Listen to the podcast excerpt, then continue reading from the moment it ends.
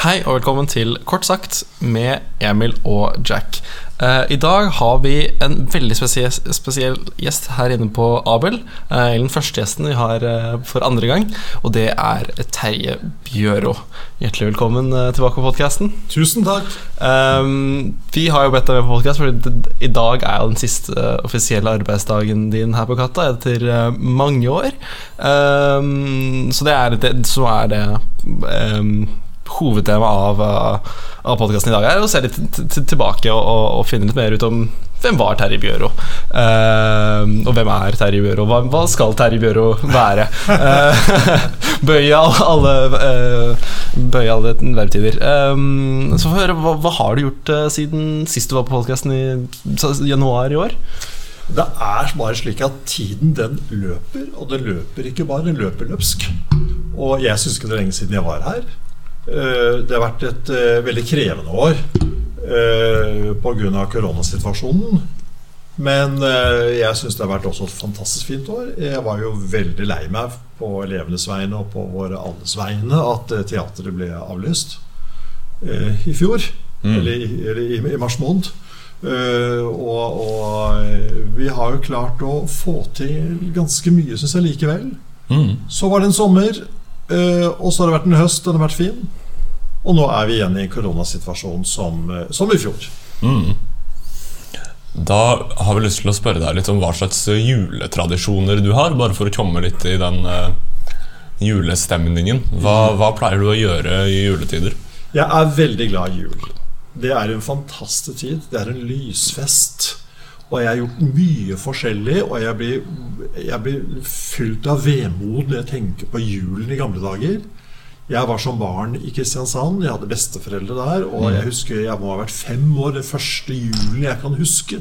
Med levende lys som dere unge aldri har opplevd. Med juletre i Dronningens gate hos besteforeldre med levende lys. Ja. Var, og Hvert eneste år var vi i Kristiansand. Øh, vi fikk øh, torsk julaften. Eh, det ble brakt inn til bestefaren min fra en los. Og jeg husker så godt at han spiste hodet. Eh, og det syns jeg var grusomt å se på. Men jeg ble glad i torsk. Mange jul i Kristiansand, og så som voksen selvfølgelig og etablert gift eh, med mine foreldre, med, med familien. Men jeg har gjort mye forskjellig. Min eldste datter var stasjonert i Moskva en periode, og da var vi i Moskva i julen. Og var på ambassaden der. Fikk pinnekjøtt på ambassaden. Og jeg var julenisse for alle barna. Og klarte å skjule min identitet. Jeg sa at jeg hadde tatt eh, toget helt fra Vladivostok til ambassaden i Moskva. Det var flere juler i USA hos mine svigerforeldre i Minnesota. Jeg har vært en jul i Florida. Og så vært mange ganger ute på Nesodden, hvor vi har hus, og eh, noen ganger hjemme i Oslo. I år blir vi hjemme i Oslo. Vi har en, ja. Vår eldste datter bor i nærheten av oss, og vi blir hjemme i Oslo i år. Mm. Så veldig internasjonal jul for deg? Ja, vi er ganske, på rundgang? Eh, ja, rundgang. Vi er ganske internasjonale, og nå har vi pleid å ha kalkun. Uh, jeg er gift med en som kommer fra kalkunstaten i USA, mm. Minnesota. Det kaller man The Turkey State, i tillegg til annet og har tradisjonell riskrem til dessert. Vi har kaker. Eh, ja. Vi, vi går ikke, jeg går i kirken julaften. Jeg gjør nok ikke det i år pga. delvis nedstengning. Eh, mm. Går nok annen en juledag i stedet. Mm. For meg er julen også en kristen høytid, men det er en viktig fest for alle, tror jeg. At man senker skuldrene eh, og forsøker å ha det godt og hyggelig sammen. Mm. Flott tid, og jeg bruker masse tid på å skrive julebrev. Eh, det er også en gammel tradisjon.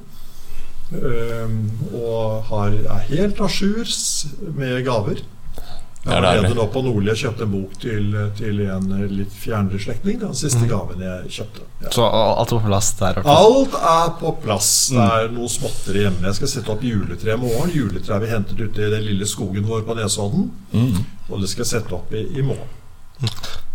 Du var litt inne på det med, med mat, så, så, nå er det kona som styrer litt med, med amerikansk kalkun. Men om det, om det, er eh, norsk mat, er det ribbe, eller er det pinnekjøtt eller lutefisk? Eller altså, vi, hva er det? Vi lager aldri pinnekjøtt. Jeg er glad i pinnekjøtt når jeg får det hos andre. Mm. Mm. Og jeg er en svigersønn fra Vestlandet som, eh, som serverer det. Og, og, men når jeg lager mat, så lager jeg mat. Da er det forbudt å gå på kjøkkenet.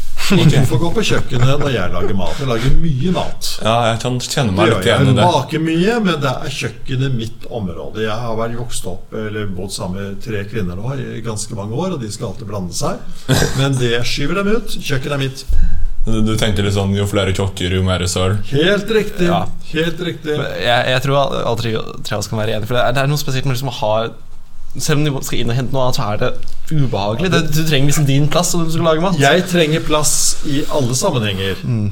Eh, som dere kanskje har skjønt. Og i, når jeg styrer 30 elever i klasserom, så er det jeg som er der, ikke nabolæreren. Og det samme er det med kjøkkenet. Og når jeg dekker et bord, så er det min oppgave. Mm. Og gjester hos meg de bærer aldri noe ut på kjøkkenet. Jeg har et system for det. Okay. Så det er kjempegøy å arrangere selskaper. Utrolig morsomt å, å og, og lage mat. Alt fra kokkevær til lapskaus til, til, til, fisk. Eh, ja. Og med gode viner til. Det er lov å si at man liker gode viner selv om man er på skole. Ja, ja da. Absolutt. Og dere er jo 18 år, så, så, dere har jo lov til å drikke litt vin også ja. utenom skoletiden. da, selvfølgelig. Ja. ja, um, mm. Um, du har jo den tradisjonen, i hvert fall på katteavslutninger og juleavslutning på Katta, å si altså, fremføre ringparabelen. Ja, for den teksten betyr veldig mye for meg. Mm. Den er jo altså da fra opplysningssiden Lessings uh, uh, stykke. Og, og det, for meg er det liksom grunnpilaren når det gjelder toleranse. Og bakgrunnen for at jeg liker det stykket så godt, er jo nettopp at uh, religioner møtes. Og det gjør det jo her også, på Katta. Mm. Ehm, jeg har eh, jødiske venner, jeg har muslimske venner, og jeg har selvfølgelig kristne venner. Og, og venner som ikke har noen spesifikk religion. Og jeg tror nettopp på den toleransen og det vidsynet. Uh, og det har vært så fint. De aula-avslutningene vi har hatt. Og så har det vært utrolig fint og veldig trist at vi i år ikke har uh, julegudstjeneste i domkirken. Eh, presten der nede beklager det sterkt. Mm. Og det flotte ved kattetradisjonen er at der, der, går de aller fleste. Det er selvfølgelig frivillig å gå i kirken, men der, jeg vet det er elever som har et helt annet livssyn, som likevel syns det er veldig fint. Og lystenningen, f.eks. Mm. Yes. Hvor lenge har du holdt på å lese opp Ringeparabelen? Den har jeg lest så lenge jeg har vært her i siste fase av mitt liv, men mm. jeg gjorde ikke det da jeg var ung lektor. Da da jeg tror jeg leste den for elever i klassen min, og så leste jeg alltid juleevangeliet for dem. Men jeg eh, leste juleevangeliet altså på fransk og tysk og som en språklig tekst også, og likedan på, på islandsk. Um, så jeg har aldri, aldri misjonert noe. Nei, nei. Uh, det har jeg ikke gjort, men, men jeg syns at juleevangeliet er en veldig flott tekst. Og den har et budskap. Uh, og, og tenke på verdenssituasjonen vi er i nå. Altså Et barn er født i Betlehem. Nå tror jeg kanskje at Jesus ble født i, i Nazaret og ikke i Betlehem, men, men, det er en helt annen sak. Og det var fantastisk flott for meg. Uh, for første gang i mitt liv så var jeg altså i Israel uh, for to år siden. Da datteren min arbeidet i Gaza. Hun, hun arbeidet med Leger uten grenser. Og dit mm. kunne ikke jeg komme, men vi, jeg møtte henne i Tel Aviv. Og det å kunne være i Jerusalem og, og Betlehem mm. det, liksom, det, var liksom barndommen min. Frøken Auklend på folkeskolen og plansjene på veggen ikke sant, om Jesu liv. Mm. og, og, med alt, alle de stedene i verden jeg har vært, så hadde jeg aldri vært i Israel. Nei, sant? Det syns jeg var en fin opplevelse. Å oppleve Jerusalem og Betlehem. Ja. Er du troende? Ja, jeg er troende. Jeg har et kristent livssyn, og det syns jeg er veldig viktig. Det betyr veldig mye for meg. Og i går gikk jeg ikke i voksenkirke fordi det var en lys uh, uh, på klokken 19. Men jeg hadde simpelthen så mye annet å gjøre. Hente mm. juletrær på Nesodden og sånne ting.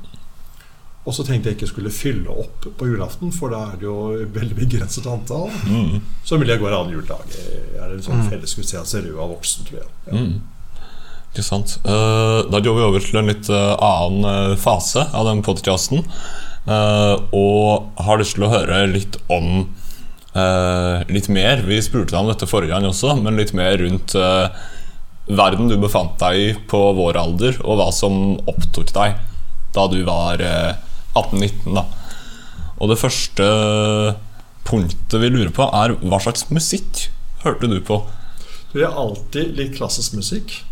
Samtidig så var jeg veldig Beatles-frelst. Ja, Og verden var annerledes. Altså Da jeg var 18 år eh, i 69 eh, Det er ikke siste året på gymnaset. Jeg tok eh, sertifikat på 18-årsdagen min.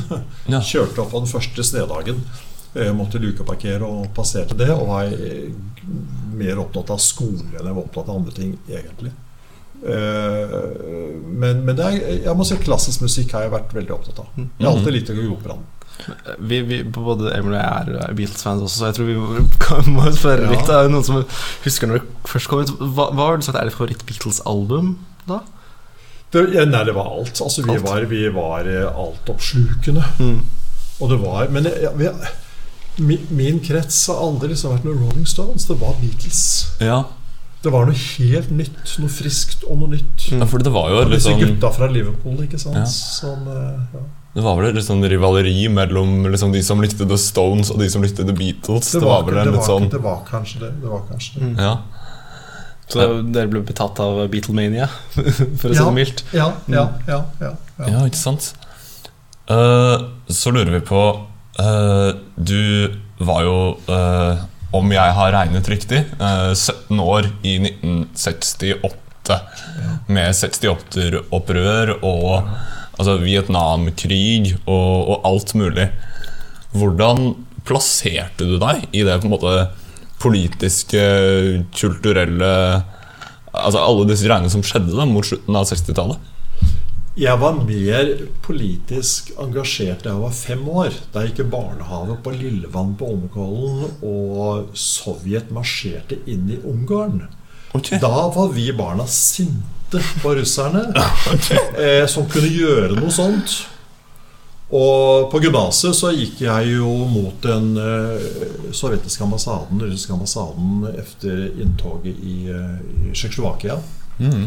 Um, men ellers så var jeg ikke veldig politisk aktiv da jeg gikk på gymnaset. Jeg satt i elevrådet. Mm. eh, og, og elevrådet den gangen vi var opptatt av tibetaner, eh, innsamling av penger til tibetanerne og, og en Ja. sånne ting. Og selvfølgelig så gjorde Vietnamkrigen et visst inntrykk. Men eh, jeg ble ikke virkelig politisk engasjert før lenge etterpå. Mm, Fortell litt om når du kom inn i politikken, for du har jo vært i politikken lenge. Ja, men jeg, jeg, jeg var jo, hadde politiske meninger hele tiden. Jeg hadde jo en eh, far som stemte høyre, og en mor som stemte venstre, og, og ble veldig vekket av uh, Kings Bay-saken okay. i 63, og så ble det borgerlig regjering i 65. Det var, var jo veldig interessant, og det, det var opptok både meg og min familie veldig. Men sånn partipolitisk så ble ikke jeg engasjert før jeg var eh, småbarnsfar og, og, og, og ung lektor. Da var det skolepolitikk, og så var jeg så inderlig forbannet fordi jeg skulle ha et barn i barnehage, og så var det måkt på veiene, ikke på fortauene, ikke sant. Eh, Jeg husker jeg tok kontakt med en som heter Jon Langmoen. Han var rektor på en skole i Oslo og satt i skolestyret for Venstre. og Diskuterte mye med ham, og så etter hvert så ble, kom jeg inn i, i partipolitikken da i Venstre. Og var, kom inn i bydelsvalget i 89, så egentlig så kom jeg litt sent inn. Jeg var aldri noen studentpolitiker. Og jeg, jeg, de årene jeg studerte, eller jeg ble kanskje litt vekket da jeg, jeg var i Frankrike en periode. Eh, Men ellers på Blindern så var jeg mer opptatt av fag og venner og alt sånt. Ja. Eh, Syns jo noen brukte litt for mye tid på, på studentpolitikk. ja. Men det som vekket meg, var den perioden jeg var i Frankrike. Jeg var på Sorbonne-universitetet. Bodde på uh, La Cité. Uh, var selvfølgelig veldig mye i latinekvarteret. Fikk franske venner. Uh, jeg var sjokka over den klasseforskjellen man opplevde. Mhm. Og, og, og vold fra politiet når det var demonstrasjoner. Det som heter manifestation på fransk. Mm. Det kunne være uli, ulike temaer, som utsettelse av militærtjeneste, le sursis militaire og, og slikt. Eh, men klasseforskjellen og, og forskjellen på arbeidere og, og, og borgerskapet Jeg hadde jo franske venner og, som, som tilhørte det såkalte borgerskapet, og, og jeg ble veldig glad i Frankrike. Jeg var jo i Normandie en del, og, og hadde studert jo der. Historie og litteratur. Kjempespennende. Hadde jo flotte lærere på Sorbonne. Eh, Hvilke, hvilke år var dette? Det var, var i uh, 72-73, ja. Uh, og vurderte faktisk å bli i Frankrike, men av ulike grunner så, så dro jeg nordover igjen. Og da gikk jeg eh, tilbake til Blindern, og, og, og der har jeg, studerte jeg meg ferdig. Mm. Et halvt år i USA etter at jeg traff eh, min kone. Eh, og så har jeg vært her stort sett hele tiden, men med masse utenlandsreiser. Ja. Det internasjonale opptar meg. Jeg har ut, vært utrolig glad i å reise. Og det, det henger sammen med at jeg som relativt ung jeg, har, jeg hadde familie som bodde i eh, India. Eh, Hvor da? eh, I, eh, i Syd-India, Madras, og i, i Nepal. Um, og har gift med en som har jobbet med internasjonalt. Hatt barn som har vært på utveksling og jobbet internasjonalt. Uh, så jeg har jo reist omtrent hele mitt liv. Uh, sett flyktningleirer, sett feltsykehus, uh, sett utrolig mye. Eh, og Derfor er jeg veldig opptatt av at vi her i Norge, hvor vi har det så utrolig godt Vi har det litt vanskelig opp pga. korona, men vi evner ikke alltid å se utover skigarden, eller stakittgjerdet, som jeg sier. Mm. Med den flyktningstrømmen og den elendigheten man har i verden. øh, jeg syns vi gjør for lite. Vi gjør for Mm. lite internasjonalt. Ja. Eh, og så uh, vi, vi blir litt i, i fortiden, uh, og så lurer jeg på eh, om du kunne tegnet et bilde av liksom Oslo da på eh, 60-70-tall, i, i motsetning til nå. Ja, og da må jeg bare si at jeg sier Oslo. Og og det, var, det var en delt by. Det var det. Eh, I dag opplever jeg at, at eh, vi har 15 bydeler, at bydelene er delt, men det var en veldig stor forskjell på, på øst og vest. Og vi hadde en eh, rengjøringshjelp som bodde på Carl Berner, og jeg var med henne hjem. Og det var en til Carl Berners plass, og det var langt, langt borte på den andre siden av byen for meg. Altså øst og vest i Oslo var veldig, veldig forskjellig. Ja. Og så var jo byen da Det var jo grusomt mye biler. Jeg husker veldig godt. Og, og eh, toget gikk over Rådhusplassen, og det var biler overalt. Og det gikk jo til og med biler i, i Operapassasjen, eh, hvor det nå er eh, pizzarestaurant, ikke sant. Eh, eh, bilen kom jo på, på 60-tallet. Vi fikk bil i 61. Eh, noen fikk bil eh, før det. Onkelen min fikk bil i 58. Han var lege, og da, da kom han foran i køen. Eh, og folk hadde biler. Det var veldig stas med biler. Mm. Og folk bygde hytter. Ja. Eh, og, men vi var allikevel ganske nøysomme. Jeg er jo da sånn krigsbarn, eller barn av krigsforeldre, Mm. som hadde greie jobber, eh, men som var, hadde hatt det veldig tøft under krigen. Og det hadde Ja. mange av mine foreldres venner også. Mm. Folk hadde sittet i konsentrasjonsleir, folk hadde, hadde, eh, var i Milorg under krigen, folk hadde vært i Sverige. Ikke sant? Og, og det eneste som var Jeg vokste opp i et liberalt og fint hjem, men det å ikke spise av maten sin, eller det å ikke bruke all maten, det ble var liksom dødssynd, ikke sant? Ja, det var utakknemlig. Ja, utakknemlighet, ikke sant. Eh, Og jeg husker bare at vi hadde, hadde vi pannekaker en dag, så kom strimlene av restepannekaker i tomatsuppe neste dag. ikke sant? Ja. Eh, Og det um, aldri, ble aldri kastet noe, og ting ble gjenbrukt. Og, og eh, min mor, som hadde en krevende jobb, hun satt om kvelden og sydde bukser til min bror og meg av bestefars uniformer. ikke sant? Brukt, alt ble brukt. Ja. Alt ble brukt, og det var den nøysomheten øh, og, og, og jeg, det, jeg må jo si at jeg Den fråtsingen i dag, den syns jeg er vanskelig å akseptere. Mm.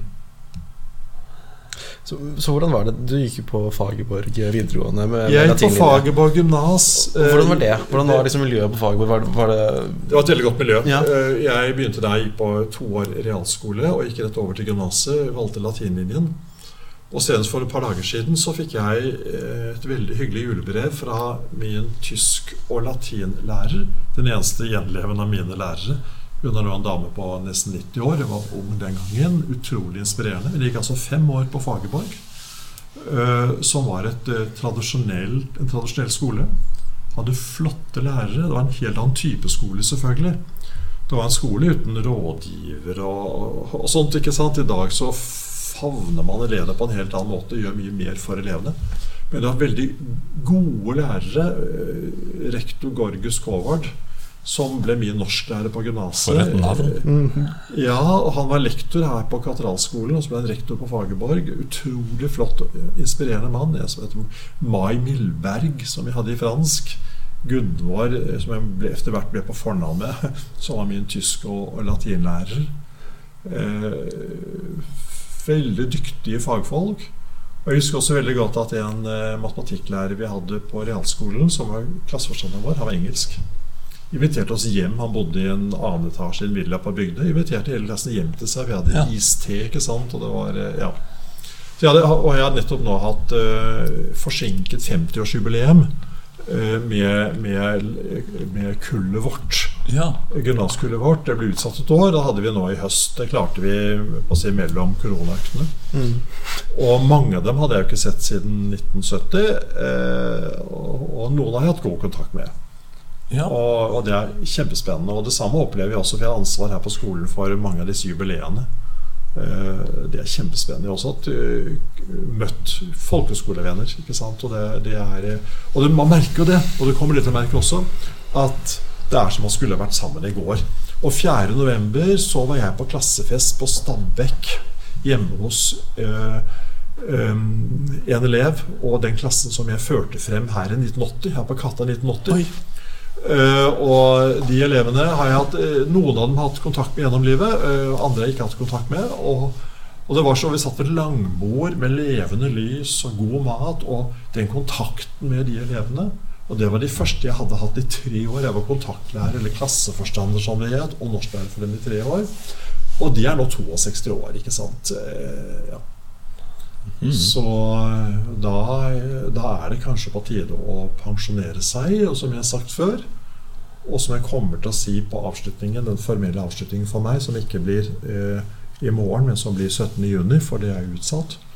Eh, for to år siden hadde en elev her på Katta eh, som fortalte meg tilfeldigvis hvem farmoren var. Farmoren hennes er litt, var pro- professor i litteratur. Så sa hun, vet du hva, Otilie? Da har jeg kjent dine oldeforeldre, og til og med dine tippoldeforeldre. Oi. Og hennes tippoldeforeldre var altså da tippoldefaren av biskop i Agder og venn av min bestefar. Jeg husker veldig godt, eh, godt uh, biskop Smith. Og da, vet du når du har altså kjent en elevs tippoldeforeldre Hjelp og trøst. Da er det fem generasjoner. Det er det. Det er det faktisk. Og det er det igjen jeg sier. Altså disse 45,5 årene som jeg har vært i skoleverket, videregående skole. Mm. 15 år var jeg parallelt lærer på universitetet på overtid. Jeg har truffet utrolig mange mennesker. For jeg har også vært, jeg begynte her på Katta. Og så har jeg vært på andre skoler.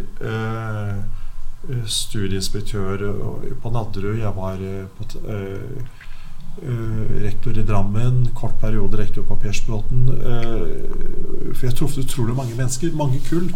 Mm. Også utrolig mange mennesker. Og det blir min utfordring nå. Å gå av med pensjon. Fordi jeg, jeg har jo tusen ting å gjøre, men jeg har vært så vant til det å være på skolen syv eller halv åtte. ikke sant? Være på skolen hele dagen. Mm. Og se, treffe unge mennesker. eh, at det, det er det jeg syns er vanskeligst. Ikke det å fylle tiden. Nei, ikke sant? Du får jo komme på besøk, da. Jeg kommer helt sikkert på besøk, men jeg skal ikke være noe sånn horn på veggen. Det skal jeg ikke være.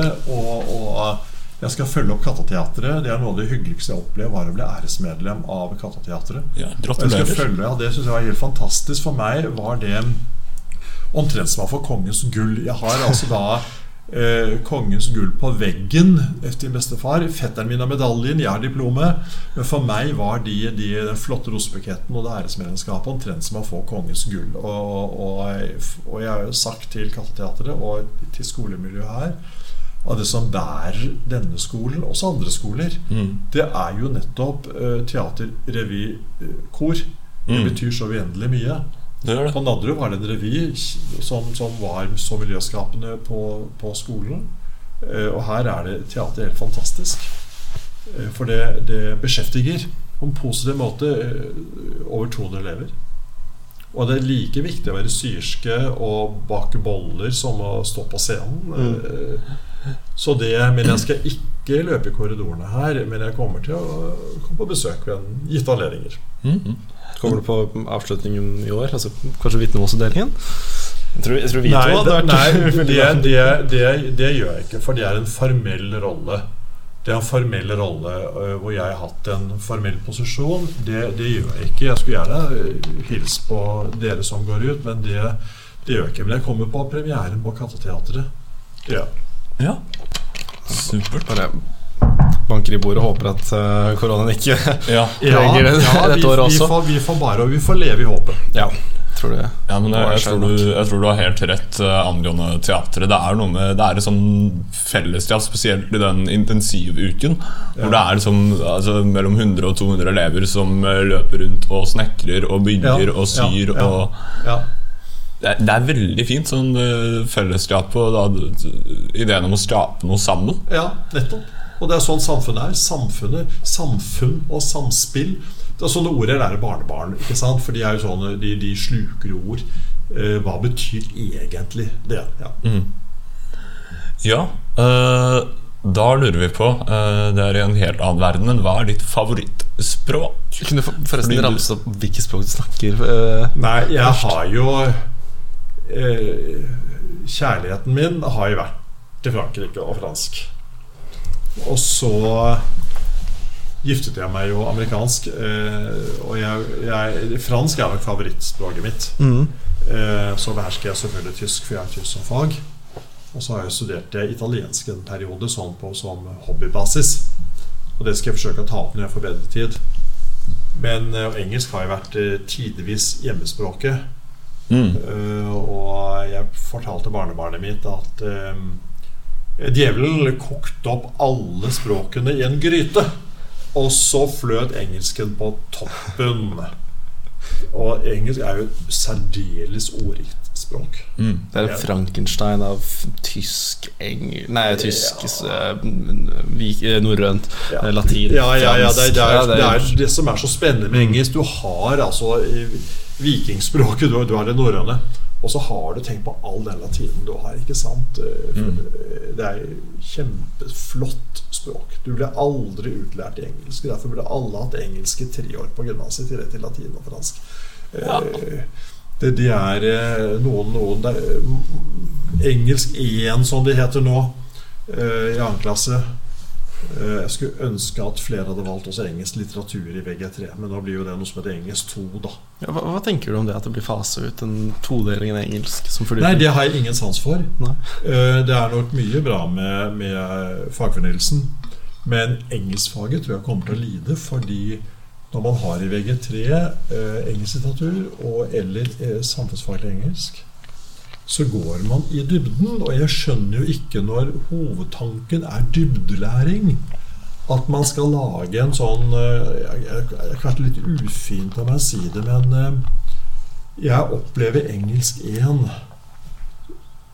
Eh, og, og, og læreplanene opplever det som en sånn litt simpel drink blanda med alt mulig rart av eh, eh, av brennevin og, og, og, og vin og sånt, ikke sant?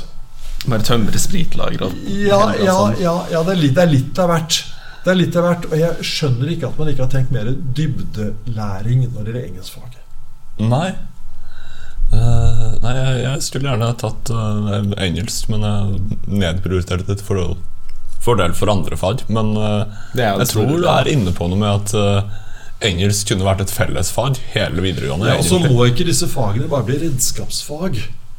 Eh, noen snakker om at eh, tysk-fransk også skal være det, men, men det er litteraturen er så viktig. Det er først når man kommer opp Jeg underviste jo i fransk fordypning for en del år siden. Og det kunne lese romaner på fransk. Og gå inn i litteraturen, inn i filosofien. Det er bare så spennende.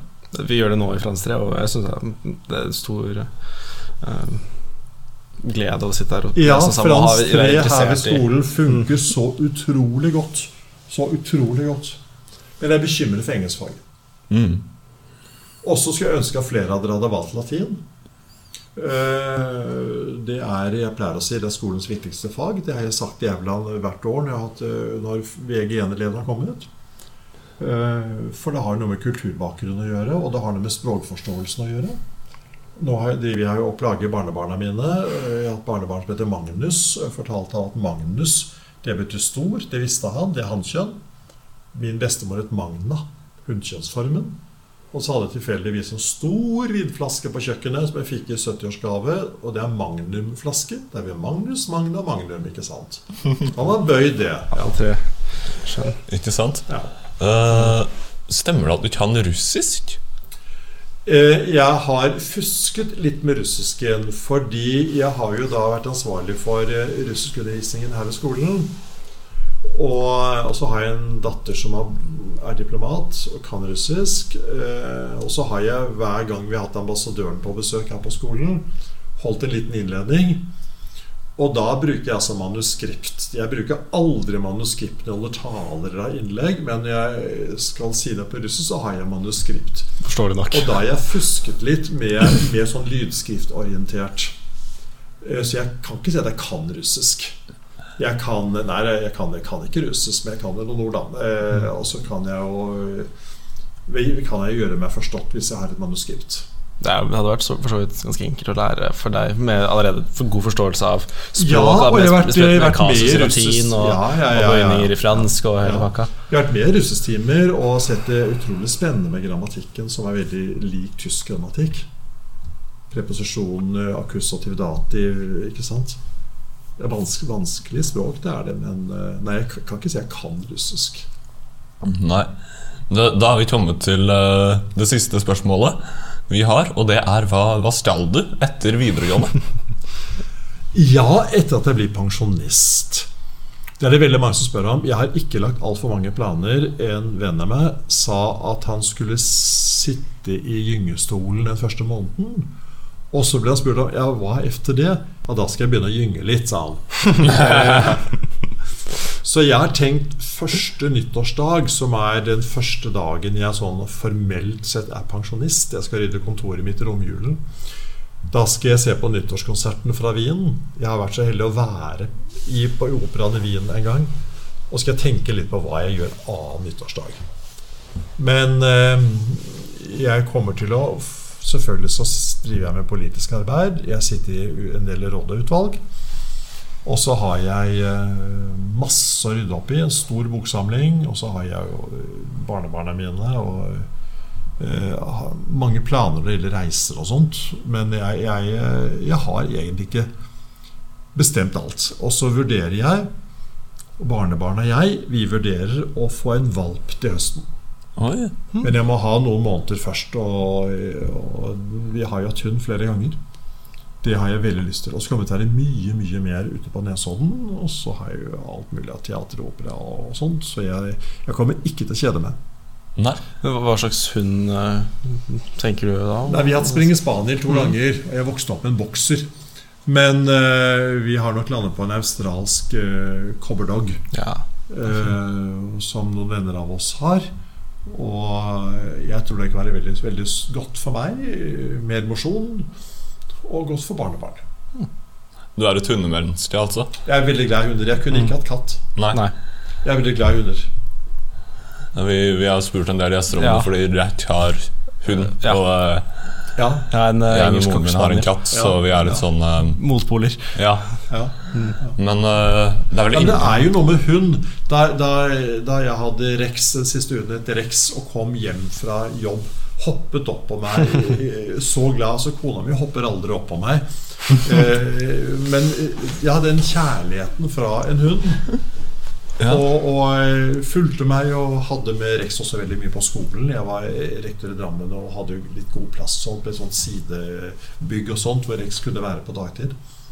Og Det er nå bare fantastisk ved en hund, men eh, man blir jo litt bundet. Men det har jeg nå tenkt å avtale med barn om å være hundeavlastere, da. Det er jo-? Det er jo menneskets beste venn. Er, Ja. den. Han det Ja. er jo lojal, trofast og Ja. alltid der eh, når du trenger en eh, klem eller en gå tur. Den, da, jeg begynte, da jeg begynte med fransk på gymnaset, husker jeg det, en av de første setningene vi hadde, var 'Le chien est fidèle'. Hunden er trofast. Det er rart hvordan man, hva man kan huske. Mm. Mm. Men en ting som jeg bare ble nysgjerrig på, som du nevnte tidligere. Eh, du nevnte at du var hos vaskehjelpen din på Carl Berner. Ja, eh, og det var litt sånn klassereise, på en måte. ja. Hvordan endte du opp der? Jeg, var med, nei, jeg skulle være med, få lov til å være med henne igjen. Ja. Eh, Jeg hadde aldri vært på, vært på Carl Berner. Ja, altså det, sånn var det. Altså, man dro ikke til østkanten. Og, og folk på østkanten drukket så mye til vestkanten heller. Jeg ble veldig god venn med Rune Gerhardsen da jeg satt i bystyret. Ja. Og Rune fortalte meg det at eh, han fleipet litt med disse vestkantfolka. Og så inviterte han oss, ikke sant, og sånn på en veldig vennskapelig, hyggelig måte. Men han, eh, han stoppa på Røa, som han sa, og handla på samvirkelaget. For de skulle ut i Bærumsmarka. Det var hans befatning med vestkanten. Det, Ja. det var, eh, han var født altså da tre-fire år før meg. Det var eh, veldig, veldig skille. Det Mm. var veldig skille. Man dro kun til den andre delen av byen som trengte noe bes veldig spesifikt. Ja, Mm. ja, ja, ja, ja. Og nå kan jo jeg hele byen. Altså Jeg har jo vært, fordi jeg også satt tolv år i byutviklingskomiteen, så fast så var det, og fast så har jeg vært med befaringer omtrent overalt. Jeg kjenner byen utrolig godt. Og jeg er veldig opptatt av at Oslo skal være en hel by. Og det flotte ved Katta er jo nettopp at vi har elever fra 50 ungdomsskoler. Så Katta er jo en smeltedigel. Mm. Det, det bidrar til at miljøet her blir så fint. Ja. Men jeg ser forskjellene i hver enkelt bydel. Eh, De blir mer markante nå. Levekår etc. Innad i bydelene. ja. Det, det tror jeg stemmer. Jeg, jeg tror ikke det har vel blitt litt Selv om ikke klasseforskjellene nødvendigvis har blitt noe mindre i Oslo, så er det ikke like geografisk bestemt lenger. Det begynner å bli litt Du har litt i oppløsning, den veldig tydelige inndelingen. Ja. Eh, samtidig som det fortsatt er stor forskjell på fattig og, Ja. og rik. Og vi har en by med utrolige utfordringer. Innen rusproblematikk. eh, Vi har folk som har eh, for trange leiligheter. Har altfor lite å leve av. Mm. Og jeg syns man skal betale skatt med glede. Jeg har jo vært velsignet med god inntekt i alle år. God familieøkonomi, og jeg betaler skatten med glede. Og man får jo mye igjen også. Mm. Ja. Jeg fikk til og med høreapparat helt gratis. Det er jo strålende. Yes. Eh, Da lurer jeg på om vi skal eh, runde av nå. Har du noen Vi- anbefalinger? Av noen serie eller bøker eller mat eller hva enn mulig? Anbefalinger Hvis du tenker på hva man skal gjøre i juleferien, lese bøker. Mm. Jeg gleder meg masse til å lese bøker. Jeg, jeg fylte jo 70 år ganske nylig og fikk jo da Uh, utrolig mange bøker. Og jeg leser jo mye, Uh, og det gleder jeg meg til å gjøre uh, deler av i juleferien iallfall. Og det, det å lese er veldig viktig. Ut på tur, ut i marka. Kose seg. Jeg, jeg, mitt råd er at man skal kose seg. Ja, Ja, Det er viktig. Det skal vi ta til oss. Supert. Tusen, tusen takk for at du tok deg tiden til å komme hit. Takk for at jeg fikk komme.